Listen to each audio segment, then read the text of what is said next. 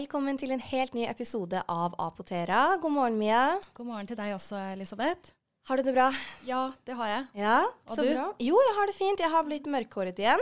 Ja, stemmer. Jeg har jo blitt vant til det nå, eh, Ja. selv om det ikke er så veldig mange dager siden sist. Du fikk jo helt sjokk da jeg kom på jobb på fredag. Ja, ja, det Ja. var veldig uventa. Du ga meg jo ingen Jo, du ga meg kanskje en liten forvarsel om at det var en liten endring eller var et eller annet på gang, men eh, Ja. jeg hadde jo ingen idé om hva det var. Nei, jeg hintet om at jeg hadde et prosjekt som jeg gledet meg til å vise deg. ja, stemmer. Så, men jeg, kjempegøy å kunne klare å overraske deg litt. Ja, nei, det er veldig gøy. Ja.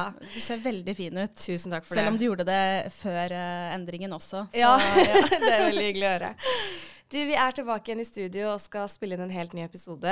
I morgen, Mia, den 8. mars, er det den internasjonale kvinnedagen. Ja, det er helt riktig, og Ja. derfor har vi valgt å ha det som tema i dag. Ja. For denne episoden her slippes jo ut på selveste kvinnedagen. Det gjør den. Det Ja. er jeg veldig glad for at vi får til. Ja, Ja. absolutt. Så Mia, hva er det vi skal prate om i dag?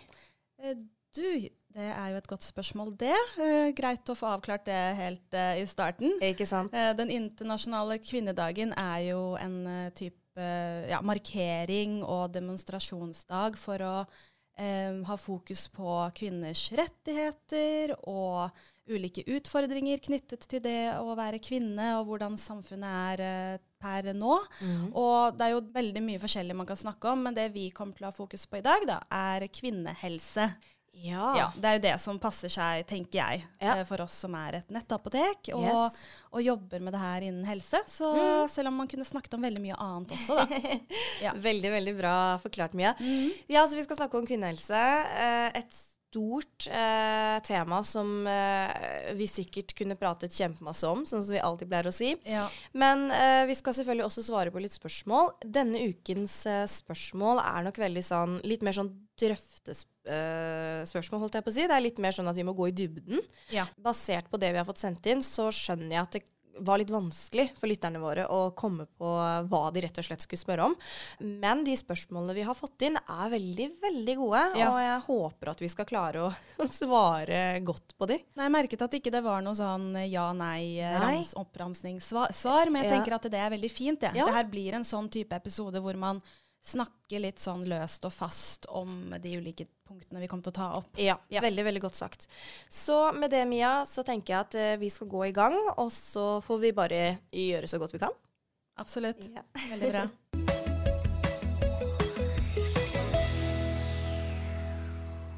Kvinnehelse, kvinnens helse. Mia, hvorfor er det egentlig så viktig at uh, vi tenker uh, kjønnsspesifikt når vi snakker om helse? Vi skal jo gå ganske i dybden på dette i dag. Jo, det er jo sånn at uh, man vet at man har kommet ja, ganske langt på vei når det gjelder det å, å, å vite eller ha kunnskap om ulike typer hva skal jeg si, utfordringer og sykdommer som er spesifikt for kvinnen. Men så er det likevel en lang vei å gå fortsatt. Ok. Det finnes jo ulike sykdommer og tilstander som, som kun kvinner får, og som man ja, jeg tenker man ikke vet nok om eh, mm. den dag i dag heller. Altså det, er- det kan noen ganger gå ganske lang tid før man får avdekket Mm. eh, hva ulike plager og, og, syk, eh, altså plager og utfordringer skyldes hos kvinnen. Mm. Og det er jo bl.a. på bakgrunn av at man vet jo det, at sånn tradisjonelt sett, og når man ser tilbake i tid, så er det jo mannens kropp man har hatt hovedfokus på når det gjelder eh, forskning. Okay. Eh, også når det gjelder eh, hva skal jeg si, studier og testing på eh, behandlingsformer, Mm. så er det jo mannen som har vært i fokus eh, i veldig lang, lang tid. Og dermed henger man fortsatt etter da, når det Ja. gjelder ulike sykdommer som kun kvinnen eh, får. Mm. Men, men tror du det at årsaken til at det er liksom eh, den mannlige kroppen det har vært eh, forsket mest på, dette med kvinnehelse ikke har på en måte vært så i fokus, handler det om at kvinnens kropp er mer, eh, hva skal jeg si, eh, vanskelig? Litt mer kompleks? Eller ligger det ikke i det? Jeg tror kanskje ikke det kun handler om det, altså. Nei, det er nei. nok eh, rett og slett litt ja, dessverre andre ting som Ja. ligger bak. Ja, ikke sant? Og derfor er det veldig fint at man nå har eh, mye mer fokus på, på kvinnens kropp når det gjelder forskning. Mm, Slik at man får endret på det. mm. Uh, og ikke sant, når det gjelder eh, forskning og når det gjelder utvikling av nye medisiner f.eks., så er det jo gjerne Bl.a. gravide blir jo ekskludert, og Ja. det er det jo god grunn til. Man skal jo Mm. ikke forske og, og liksom øke risikoen for fosterskade f.eks. Så dermed utelukker man gjerne en del fra ulike studier, og da er det jo sånn typisk ikke sant, friske menn og kvinner som ikke er så veldig godt voksne, som blir med på disse studiene. Ja. Og det som da skjer, er at f.eks. Uh, ulike kvinnesykdommer som kanskje kommer litt opp i alderen, de, de, de blir ikke med, Ikke sant? eh, hvis ja. det gir ja, ja, eh, ja. mening. Ja, veldig. Selv om det er mange plager som også er i yngre alder, da. Mm, Nei, så det er eh, noe med å ha mer fokus på det her. Og det har jo, man har jo kommet langt på vei, men det er fortsatt en lang vei å gå. Ikke sant. Mm. Og Mia, eh, når vi skal snakke, gå liksom mer i dybden på det her, er det noen spesielle temaer du liksom ønsker at, eller undertemaer du ønsker at vi skal sette spesielt fokus på i den episoden i dag? Ja, det tenkte jeg litt på. Og én ting som jeg vil snakke sånn spesifikt om, er jo denne tilstanden som heter, eh, eller kalles for endometriose. Ja. Som sikkert mange har hørt om. Mm. Eh, og de som har den diagnosen, kjenner i hvert fall veldig godt til hva det er, og hva Ja. det innebærer. Ja. Eh, og en annen ting jeg vil snakke litt grann om, er eh, hjertehelsen til kvinnen. Okay. Eh, dette med hjertesykdommer. fordi Mm. man kan jo veldig mye om det her, men man vet jo at det er forskjell på en kvinnekropp og en eh, mannekropp. Ja, ja, ja. Og på bakgrunn av det så kan også noen symptomer være ulike, Mm, mm. som er veldig viktig å, å få frem da, når det Mm. gjelder bl.a. det her med hjertehelse. Ja. Med, det er liksom noen symptomer som er ulike, og hvis Mm. man da eh, først og fremst kjenner til mannens typiske symptomer, så Ja. kan det føre til at eh, kvinner eh, får senere behandling da, og Mm. oppdager ting eh, kanskje for sent i verste fall, Mm. fordi man eh, ikke tenker på de typiske symptomene som en kvinne ja. eh, kan oppleve. Da. Ja, for det, Mm. det, det som du sier da, er at dette her med symptomer, det kan være forskjellig. Og så, og så tenker man jo at kvinnen og mannen er jo ganske, eller veldig forskjellig utvendig. Men kanskje er vi veldig like innvendig. Men, men så er det jo ikke helt sånn heller da, Mia. Det Nei, det er, jo, det er Ja. kvinnen som, som er skapt for å kunne bære fram et barn. Ja, ja, ja. Og det er jo gjerne de ulike organene der man Ja. er forskjellige, og ikke bare forskjellige. Vi har jo organer som mannen ikke har. Nettopp. Og, og omvendt, også, det ja. er ikke det. Men eh, det er jo kvinnens kropp vi har fokus på i dag. ja. Mm. Du sa jo at du ville prate om eh, Nå skal jeg se om jeg uttaler det riktig, for dette her eh, har jeg alltid slitt med å uttale. Endometriose. Ja, det var helt, helt riktig. Jeg øvd. øvd. Neida. Men, men eh, jeg tenker, kan ikke du fortelle litt om det? Fordi det er som du sier, eh, for de som har det, så er det jo selvfølgelig veldig velkjent og veldig sånn eh, Hva skal jeg si? Eh, det er jo, jeg har jo forstått at det her er jo en ganske sånn eh, vond eh, diagnose. Det kan være det En for plage, noen. ja, Ja, ja. Og vi kan jo starte med å forklare veldig kort hva endometriose er. Ja. Eh, Det er da en eh, tilstand som eh, kvinner i fertil alder kan oppleve, dvs. Si kvinner som, som, som menstruerer, da, for å si det enkelt. Mm. Og det som skjer, er at det er vev som da vokser uh, utenfor livmoren. Og det er da Noen kan kanskje tenke at ok, kan det være forstadiet til kreft? Fordi Mm. kreft er jo også celler og vev som vokser Ja. ukontrollert. Men det er det ikke. Det er eh, ikke knyttet opp mot eh, en krefttilstand eller diagnose, men det er da vev som vokser eh, ja, der hvor det egentlig ikke skal. Mm. Og det som er liksom hovedutfordringen med endometriose, er at det kan føre til da kraftige smerter. Gjerne da knyttet uh, til eh, når man har menstruasjon. OK. Ja, Mhm. ja.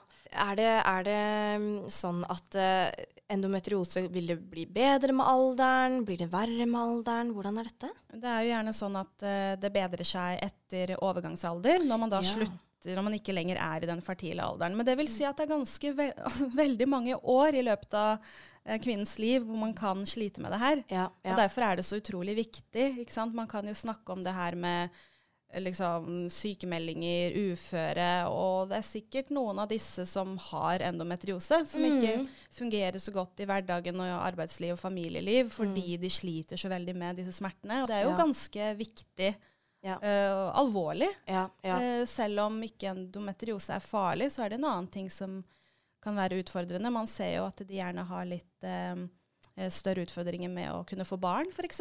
Ikke sant. Ja. Som også kan være ganske, ja, ganske heftig for de som er i den situasjonen. Absolutt.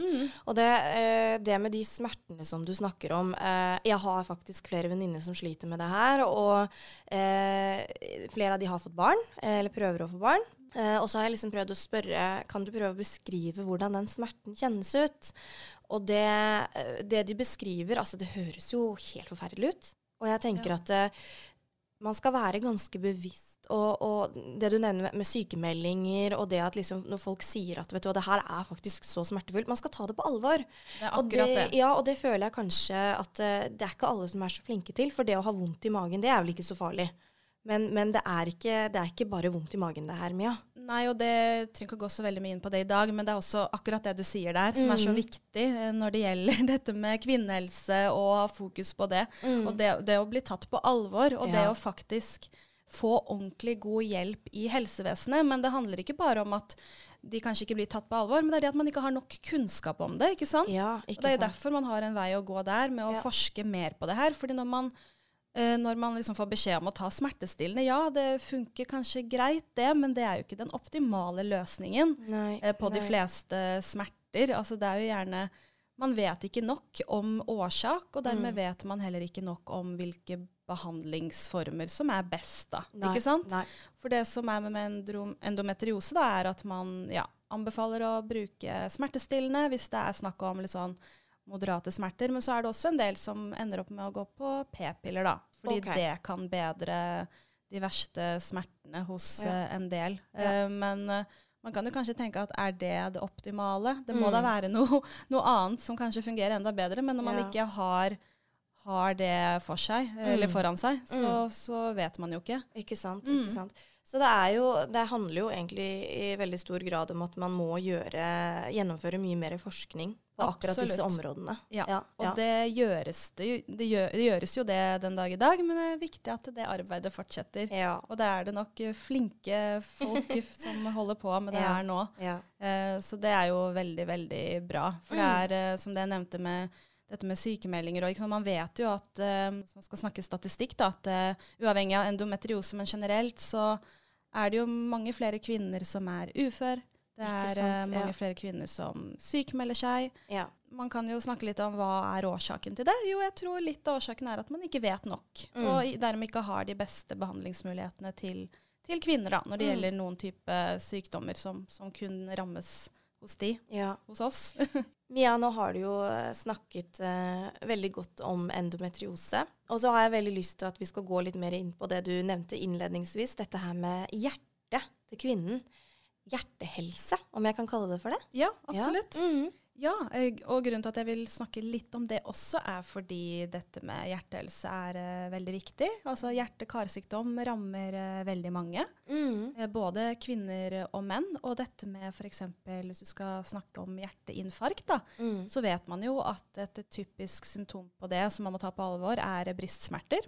Ja. Og det gjelder jo begge kjønn. Men så er det noen symptomer som er mer aktuelt eh, hos kvinner. Okay. Og det er symptomer som f.eks. ryggsmerter, altså nakkevondt, eh, tretthet. Og det her er jo symptomer som kan skyldes veldig mye annet, altså litt Mm. mer kronisk, som ikke nødvendigvis er akutt. Mm, mm. Og det gjør jo at eh, man kanskje ja, ikke oppdager eh, alvorlige ting som et hjerteinfarkt tidlig nok. Ikke sant. Eh, så det tenker jeg også er viktig å ha fokus på. Liksom typiske symptomer som, som kvinner opplever, Mm. eller som er kjønnsspesifikt. da. Ja.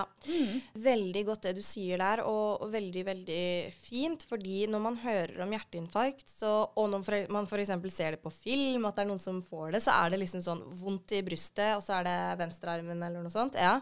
Eh, man liksom kjenner de tar seg til venstrearmen, og så tenker man ja, men det kan jo være så mye mer. Det er akkurat det. Ja. Og så vet man også at uh, kvinner både lever lenger enn menn, og kan også få flere alvorlige sykdommer litt sånn senere enn menn også. Okay, ja. uh, og som jeg nevnte i stad, dette med når man forsker på ulike ting, så tar man gjerne ikke med de eldste Nei. Uh, heller. Og dermed kan man da utelate å få liksom nok kunnskap om, om kvinnens Mm, helse opp i mm. alder. Ikke sant? Ja. Og, og, og det med å forske på kvinnene, hvordan vi reagerer ulikt på ting. Medisiner, vaksiner. Vi har jo sett en kjempedebatt om dette eh, når det gjelder f.eks. koronavaksinen. Ikke Eh, dette med blødninger hos kvinner. Altså, det, det er så mye da, som er egentlig forskjellig. Ja, Så, så den oppfordringen du har, Mia, til at man må liksom fortsette med det her, og fortsette å gjøre grundig eh, research, rett og slett. Absolutt. Ja. Og ikke minst at kvinner også tar ansvar for sin egen helse. Ja. Og, og ikke gi deg hvis du ikke finner ut av hva plagene dine skyldes. Mm, mm. Fordi det er ikke sant, mange ting som ligger bak, som Ja. vi allerede har snakket om. Og du har jo også et ansvar for å, for å liksom sørge for at du får videre hjelp. Mm, mm. Det er jo ikke alltid fastlegen vet hva som feiler deg. Nei. Og det er derfor man har spesialister på ulike områder. Man har fantastiske gynekologer som, Mm. som kan mye mer om ulike plager som kvinner opplever. Og, Mm. men man må bare ikke gi seg. Men jeg skjønner at det er tøft når du, når du f.eks. sliter med smerter ikke vet hva det skyldes, og så Ja. føler du ikke at du blir tatt på alvor. Det skal jo ikke være sånn. Nei, det skal ikke Men det. frem til man kommer dit hvor du Ja. bare får servert alt av eh, informasjon og videre behandling, så må man bare kjempe litt, hver Mm. enkelt også, tenker jeg. Og snakke sammen. Og man vet jo at kvinner er veldig flinke til å snakke med hverandre og, og, Ja. fort, og liksom snakke om ulike utfordringer eh, når det gjelder helse og kropp osv. Men eh, Mm. Mm. ja. Nei. Ja. Veldig, veldig godt sagt, Mia. Og, og det her med at man kanskje ikke blir tatt på alvor. Jeg har litt lyst til å bare nevne det her med den kvinnelige intuisjonen. Ja. Fordi vi kvinner vi har jo som regel en intu intuisjon. Det er jo en grunn til at det kalles for den kvinnelige intuisjon. Hvis du ikke blir tatt på alvor, og du kjenner at vet du hva, det er et eller annet, jeg klarer ikke å slå meg til ro med det, så tenker jeg at da skal du heller ikke slå deg til ro med det. Det er min tydelige oppfordring. At eh, stol, eh, stol på magefølelsen, eller hva en eh, følelse du har, og hvor den sitter. Stol på det. Altså gjør, så, gjør sånn som Mia sier. Eh, jobb, og ta, jobb for det, og ta faktisk ansvar for helsen din. Absolutt. Mm. Veldig, veldig bra oppsummert. Mia, eh, er det noe annet du eh, har lyst til å prate om nå? Nå har vi jo eh, gått litt i dybden her. Er det noe annet du kommer på innunder dette store temaet som du kunne tenke deg å prate om i dag? Det er jo det, og så må man noen ganger velge litt, da. ja. Og en ting til jeg har lyst til å snakke om, som jeg syns er utrolig viktig, til tross for at jeg personlig ikke har noe egne erfaringer med det, det er dette med eh, svangerskap, Mm. barseltid. ja. Eh, og jeg, sånn jeg har forstått det, da, er at man får ganske god oppfølging når man eh, går gravid. Mm. Eh, man blir fulgt opp, det er mange timer man skal til. Man får gjort, tatt ulike prøver for å Mm. liksom sjekke at det er bra med barnet, for at det går bra med mor. Mm. Men så er det kanskje litt begrensa med oppfølging etter fødsel. Ja. Ja. Ehm, av egen erfaring, eh, ja, det er det. Og så handler det, for min del, da, hvis jeg kan snakke av egen erfaring, så handler det også om den frykten for at du skal mase. Eh, Ja. Frykten for at eh, jeg er hysterisk, eh, i hvert fall eh, når man kanskje det er, det er det første barnet man har fått. Og dette opplevde jeg da jeg gikk gravid òg, at det er den derre eh, det er litt ubehagelig å, å sende den meldingen til jordmor Ja. og spørre kan jeg komme inn på en ekstra kontroll, eller kan vi gjøre sånn og sånn. Så det jeg gjorde, jeg gikk privat. Fordi at da det var den følelsen at når jeg betalte for noe, så måtte jeg liksom også få en tett oppfølging, skjønner du. Og da, Ja. da, da Det er litt gærent. Ja, og jeg skulle akkurat til å spørre deg og Ja. høre med deg om du hadde lyst til å dele noen erfaringer Ja. eh, knyttet til det, du som har vært igjennom det Ja, personlig. ikke sant. Mm. Um, det er nok veldig veldig mange flinke jordmødre der ute, og leger, barneleger og, og sånt. Men jeg opplevde at jeg ble tatt mer på alvor uh, i det private. Ja. Dessverre. Uh, Ja. Jeg opplevde også som førstegangsfødende at man ikke blir tatt på alvor eh, under fødsel. Når man skal inn, og man er 100 sikker på at vet du hva, nå, nå har jeg rier, eh, fødselen er i gang. Det var fryktelig traumatiserende. Jeg har Ja. snakket med alle mine venninner som har, eh, har født, som har hatt, eh, gått gravid for første gang og født for første gang, og det er uten unntak at de har opplevd det samme. Det er jo sånn jeg har forstått det, og det Ja. jeg er veldig trist. Og jeg tror ikke eh, personlig at det kun handler om Eller at det handler om at de som har disse jobbene, ikke ønsker å gjøre sitt beste. Det er Nei. nok hvordan hva skal jeg si, ting er bygd opp på sykehus. Mm. Det er sant, full fart inn og ut. Det Mm. er liksom Man tenker kanskje Jeg vet ikke, jeg håper ikke noen blir sure nå, men det virker som at man snakker eller tenker veldig mye på effektivitet og økonomi. Ja. Eh, og så går det på bekostning av da hver enkelt mor, og Ja. ikke minst familie. For jeg Mm. tenker at når, når en mor eh, føder, og kanskje, som du sier, ikke sant, tør ikke å spørre Mm. Kanskje man sliter psykisk, kanskje det er ting man ikke får til med ammingen. Mm. Det går jo ikke bare utover den kvinnen. Det Nei. går jo utover barnet, det går jo utover hele familien. Ja. Så jeg tenker det her er kjempeviktig. ja, ja, ja. Og veldig, veldig godt sagt, Mia. Mm. Eh, for meg, det som ble redningen for meg eh, Og det her er jo ikke en selvfølge at alle har. Kanskje man ikke har en veldig støttende partner. Eh, forhåpentligvis har man det. Men om man ikke har det, eh, så kan det jo være veldig tøft. For meg så ble redningen eh, en veldig nær venninne som var utdannet sykepleier, eh, og som har to barn selv. Og det var hun jeg tok kontakt med. Hver eneste gang jeg var bekymra, eh, hvis det var ting jeg lurte på. For jeg kjente at jeg fikk ikke den oppfølgingen jeg ønsket at jeg skulle ha. Eh, og det var jo hun også helt enig i. Og det var som hun sa, at jeg hadde ingen som var der for meg da jeg gikk gravid. Så da skal jeg i hvert fall være der for deg. Så for meg så var hun redningen. Og det er hun eh, den dag i dag òg. For det er fortsatt veldig mange spørsmål jeg har, og bekymringer. Og, og det er en trygghet. Men det er jo ikke noe selvfølge at man har det, Mia. Nei, og det er Nei. utrolig godt å høre at du hadde en sånn god venninne som ikke Mm. minst har, har den kompetansen i bunn Ja, også. Ja. Til å kunne si noe mer enn bare egne erfaringer. Mm. Men jeg tenker at alle bør ha en sånn. Ja, Og alle det. bør ha en sånn i helsevesenet.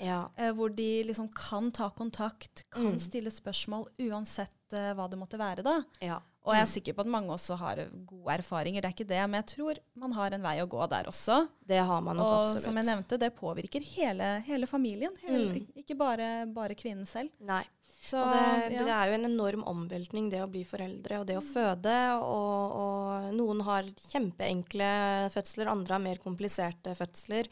Og jeg tenker at man uansett må ha et system som legger til rette for begge. Det må Ja. liksom ikke være sånn at det bare er tilrettelagt for de som kommer inn og føder i løpet av 15 minutter, og så er det rett ut døra. Eh, Ja, ikke at det er hvordan, sånn. hvordan er det nå? Er det liksom ett døgn, og så er det ut? Eller er det, er det noen sånn grense der? Vet du det? Nå skal jeg ikke si helt sikkert hvordan det er, med tanke på at nå har det vært pandemi, og da vet jeg det har vært litt annerledes. Men da jeg fødte for to år siden, to og et halvt år siden, så var det, vi var vel på barsel i to dager, kunne vært tre, men vi kjente at det var så, først og fremst det var så mye folk at det var jo nesten ikke plass til oss. Så vi var jo, ble jo stua inn på et uh, bitte, bitte lite rom som egentlig bare var beregna for én. Så for meg så var det å bare komme seg hjem var første prioritet. Bare få med meg det lille barnet eh, hjem. Eh, så jeg hadde jo egentlig den samlebåndsopplevelsen som jeg vet at veldig mange andre har òg. At det er litt sånn OK, du har født et barn, nå kommer vi innom deg så og så mange sant? ganger i løpet Som jeg nevnte, ja. effektivitet. Ja, liksom. ja. Inn og ut. Og kjempesøte, de flotte menneskene som kom innom. Men du merket liksom at det var sånn De nesten sto og kikket litt på klokka. Det var veldig, veldig sårt. Um, så, så der har de en kjempelang vei å gå, og jeg skjønner det er veldig vanskelig. Det er ikke sånn at den personen som kommer inn i rommet, det er den som har tatt den avgjørelsen om at sånn skal systemet i Norge være. Ikke i det hele tatt. Nei. Men som sårbar eh, nybakt forelder, så, så er det veldig, veldig vondt. Og det er eh, beintøft. Men desto viktigere da er det å prøve, i hvert fall i ettertid, å snakke om det. Tørre å oppsøke hjelp. Sånn som Mia har sagt hele veien, ta liksom ansvar. Eh, men selvfølgelig, man er sliten. Man Ja. har gått gjennom en fødsel, for guds skyld. Altså, det er Ja, jo da tenker jeg, da kan man ikke være avhengig av Nei. ens egen styrke og Nei. at hodet er med på det der. Man Nei. har nok, tenker jeg da, med å tenke på, Ja. tenke på det lille barnet man har, Ja. eh, har eh, i armene sine. Absolutt. så jeg tenker Da kan vi, tenker jeg vi absolutt kan oppsummere om Det at det er kan. en vei å gå der. Ja, det, Ja. det er det, Mia. Mm, Og jeg ser bra. vi har jo skrevet helt på slutten her, før vi skal gå over til uh, spørsmålene, at uh, oppfordrer også kvinner til det her med å teste seg. Eh, tørre å teste seg, tørre å gå til den mammografien, eh, for det vet jeg det er veldig mange som kvier seg for. Tørre å gå til gynekolog. Ja. Eh. Livmorhalsprøve som Ja, man starter med fra 25 års alder. Det er jo my mye fokus på det til tider, bl.a. i sosiale medier, og det syns jeg er helt topp. Mm. Med det. Mm. Eh, Det er noe med å liksom løfte det fram og Ja. eh, normalisere det å, å teste seg og sjekke seg. Mm. Like viktig som at man går til tannlegen og Ja. den type ting. Ja. Mm. Og så tenker jeg òg, sånn som hun venninnen min som jeg nevnte i stad, noe av det første hun sa til meg da jeg skulle eh, til jordmor eller til eh, gynekolog første gang, så sa hun det at hvis du føler at kjemien ikke er der, så ber du om en annen som kommer og skal undersøke deg. Ja. Og det var som jeg sa til henne, ja, men kan jeg det? Så sa hun selvfølgelig kan du det. Det her er ditt valg. Det er ikke sånn at du må finne deg det ene eller det andre. Og det eh, rådet har jeg lyst til å gi videre, Mia. Eh, er ikke kjemien der, så ber du bare om å få noen andre. Og det gjelder også når man skal føde. Har du ikke kjemi med den som kommer og skal være med deg underveis eh, Sånn som jeg, jeg hadde vel fire stykker innom, for jeg lå jo så lenge. Men har du ikke kjemi med, med de som kommer innom, så er det lov å si fra til avdelingslederen og si at vet du hva, dette funker ikke for meg. Eh, kan jeg få noen andre? Helt greit. Og det tenker jeg i alle livets situasjoner, egentlig. At Ja, du må ja. liksom kjenne litt på den kjemien, og hva er det som funker for meg. Eh, så det er en klar oppfordring. At, Ja, jeg er veldig glad eh, for at du nevner det, for Mm. man har eh, som regel den valgmuligheten. Ja. Og hvis man ikke har om- det, så, ja. så, så er jo det veldig trist. Men jeg håper at alle på en måte kan ta litt ansvar der også, rett og slett. Absolutt. Mm. Veldig, veldig bra. Ja. Mia, nå har vi eh, gått i dybden på eh, ganske alvorlige temaer. Ja, Ja. veldig viktig, alvorlig og ja. Ja. Mm. Så eh, vi skal gå over til å svare på denne ukens eh, lyttespørsmål. Her kjenner jeg at jeg må brette opp armene litt. ja men det, Eh, da er vi to, eller er, jeg må ikke brette opp armene, men jeg må brette opp ermene. ja. ja, men da er vi to, så jeg tenker vi gjør så godt vi kan. Og så tenker jeg at det her bare er en sånn ja, innledning til videre diskusjon. Veldig og videre sagt. refleksjoner og videre tanker. Ja, Ja. helt perfekt. Mm.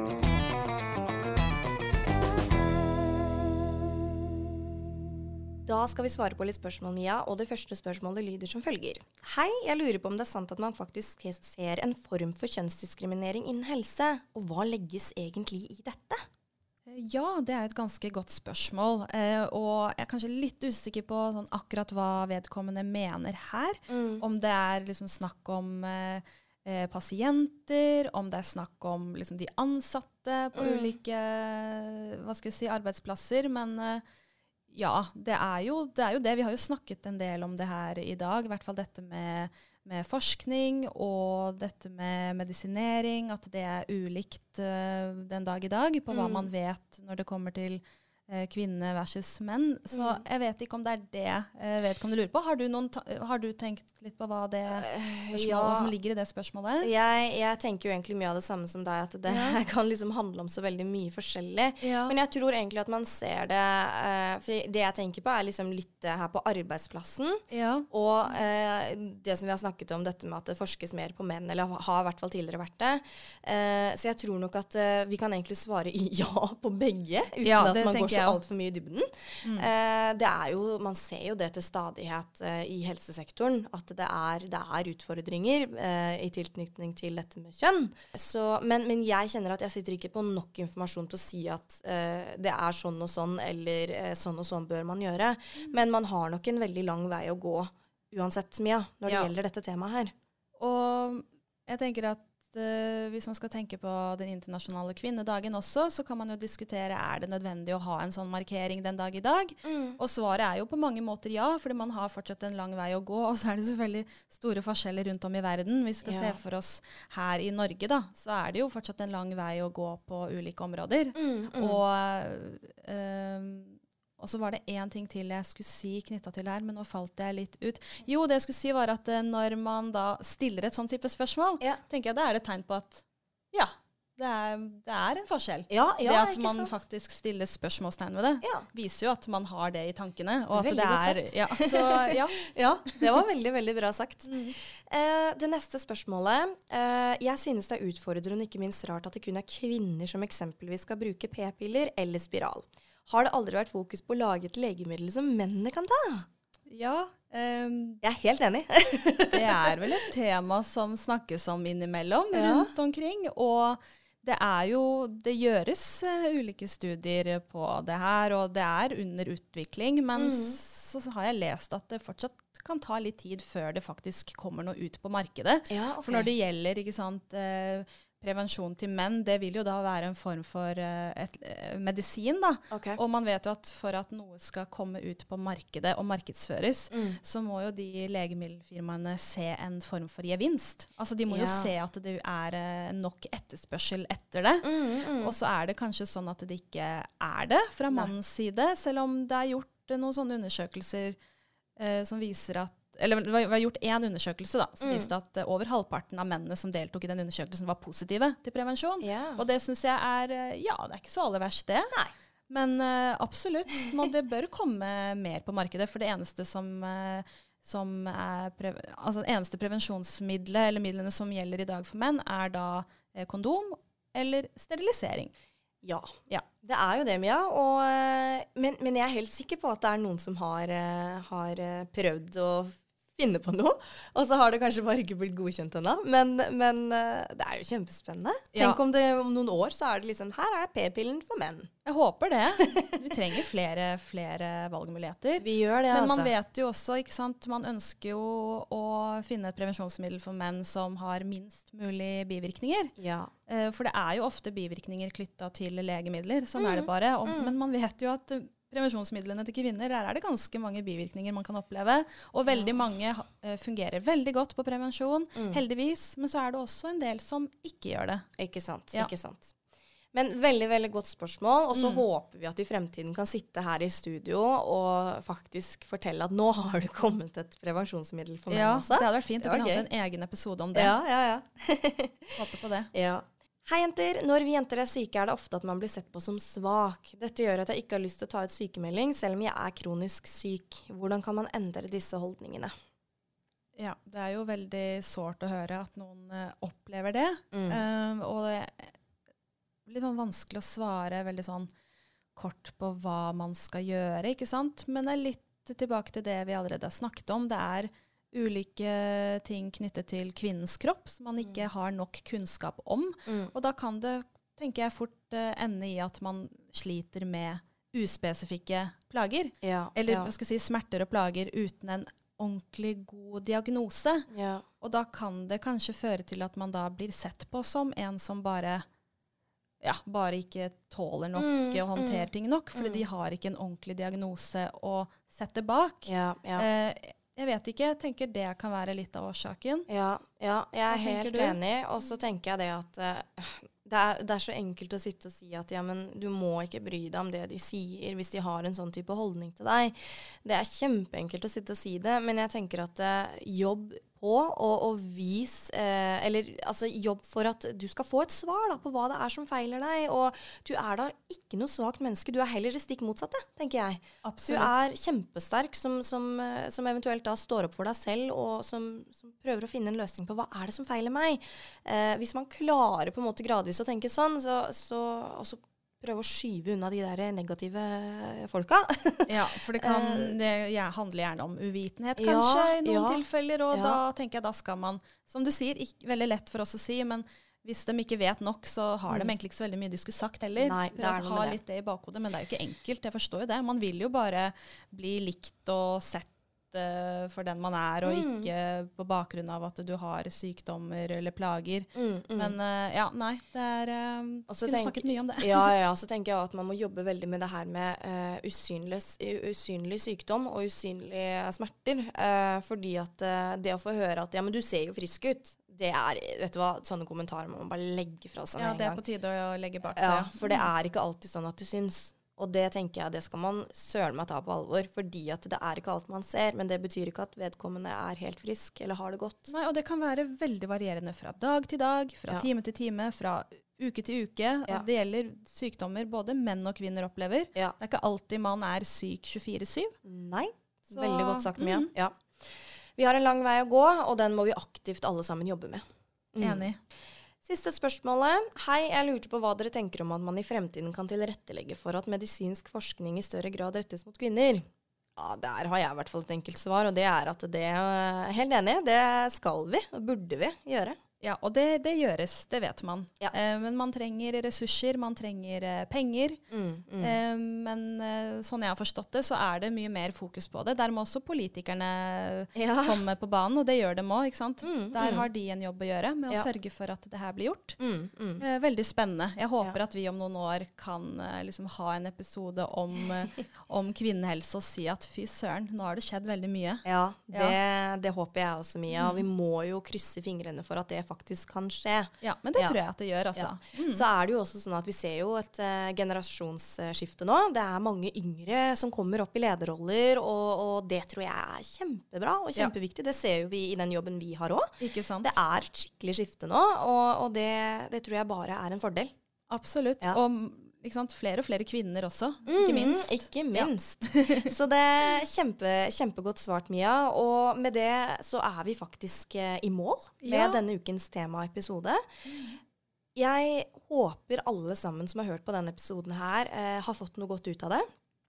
Og at eh, dere kan feire den internasjonale kvinnedagen i morgen og, og kose dere. Og jeg håper også, som vi har snakket om nå, Mia, at i fremtiden så, så skjer det store ting på dette feltet her. Satser på det. Ja, Ja. må det. Veldig bra. Tusen takk for at du har hjulpet meg med å svare på veldig gode, litt tyngre spørsmål i dag. Jeg håper det kan komme inn flere sånne spørsmål. Jeg. Ja, det er veldig, veldig fine. Jeg Ja. liker sånne spørsmål hvor man liksom må tenke litt ekstra. Ja, ikke sant? Ja. Og eh, jeg ønsker også alle dere lyttere og seere en eh, veldig veldig fin dag videre. Og så håper jeg dere alle får en fin eh, markering av dagen i morgen. Helt enig. Støtter den. Ja. Neste uke, Mia, så Vet du hva? Det som er nå, er at uh, pollensesongen, den uh, tror jeg faktisk er i gang. Ja, den Stemmer er uh, veldig godt i gang Ja. mange steder i landet, og det er sikkert en god del som legger merke til det, enten de vet om de har pollenallergi eller ikke. Så Ja. ja, Så neste uke, Mia, så skal vi faktisk snakke om pollensesongen. yes. Ja. Det blir bra. Så jeg eh, Ja, det blir bra. jeg gleder meg til å være tilbake igjen i studio med deg. Og så håper jeg lytterne og seerne våre kan sende inn litt spørsmål i tilknytning til dette temaet, eller alt mulig annet. Send det gjerne til oss på Instagram, og dere forblir jo selvfølgelig helt anonyme hos oss. Veldig bra. Ja. Ha det godt. Takk for i dag. Ha, Ha det. det.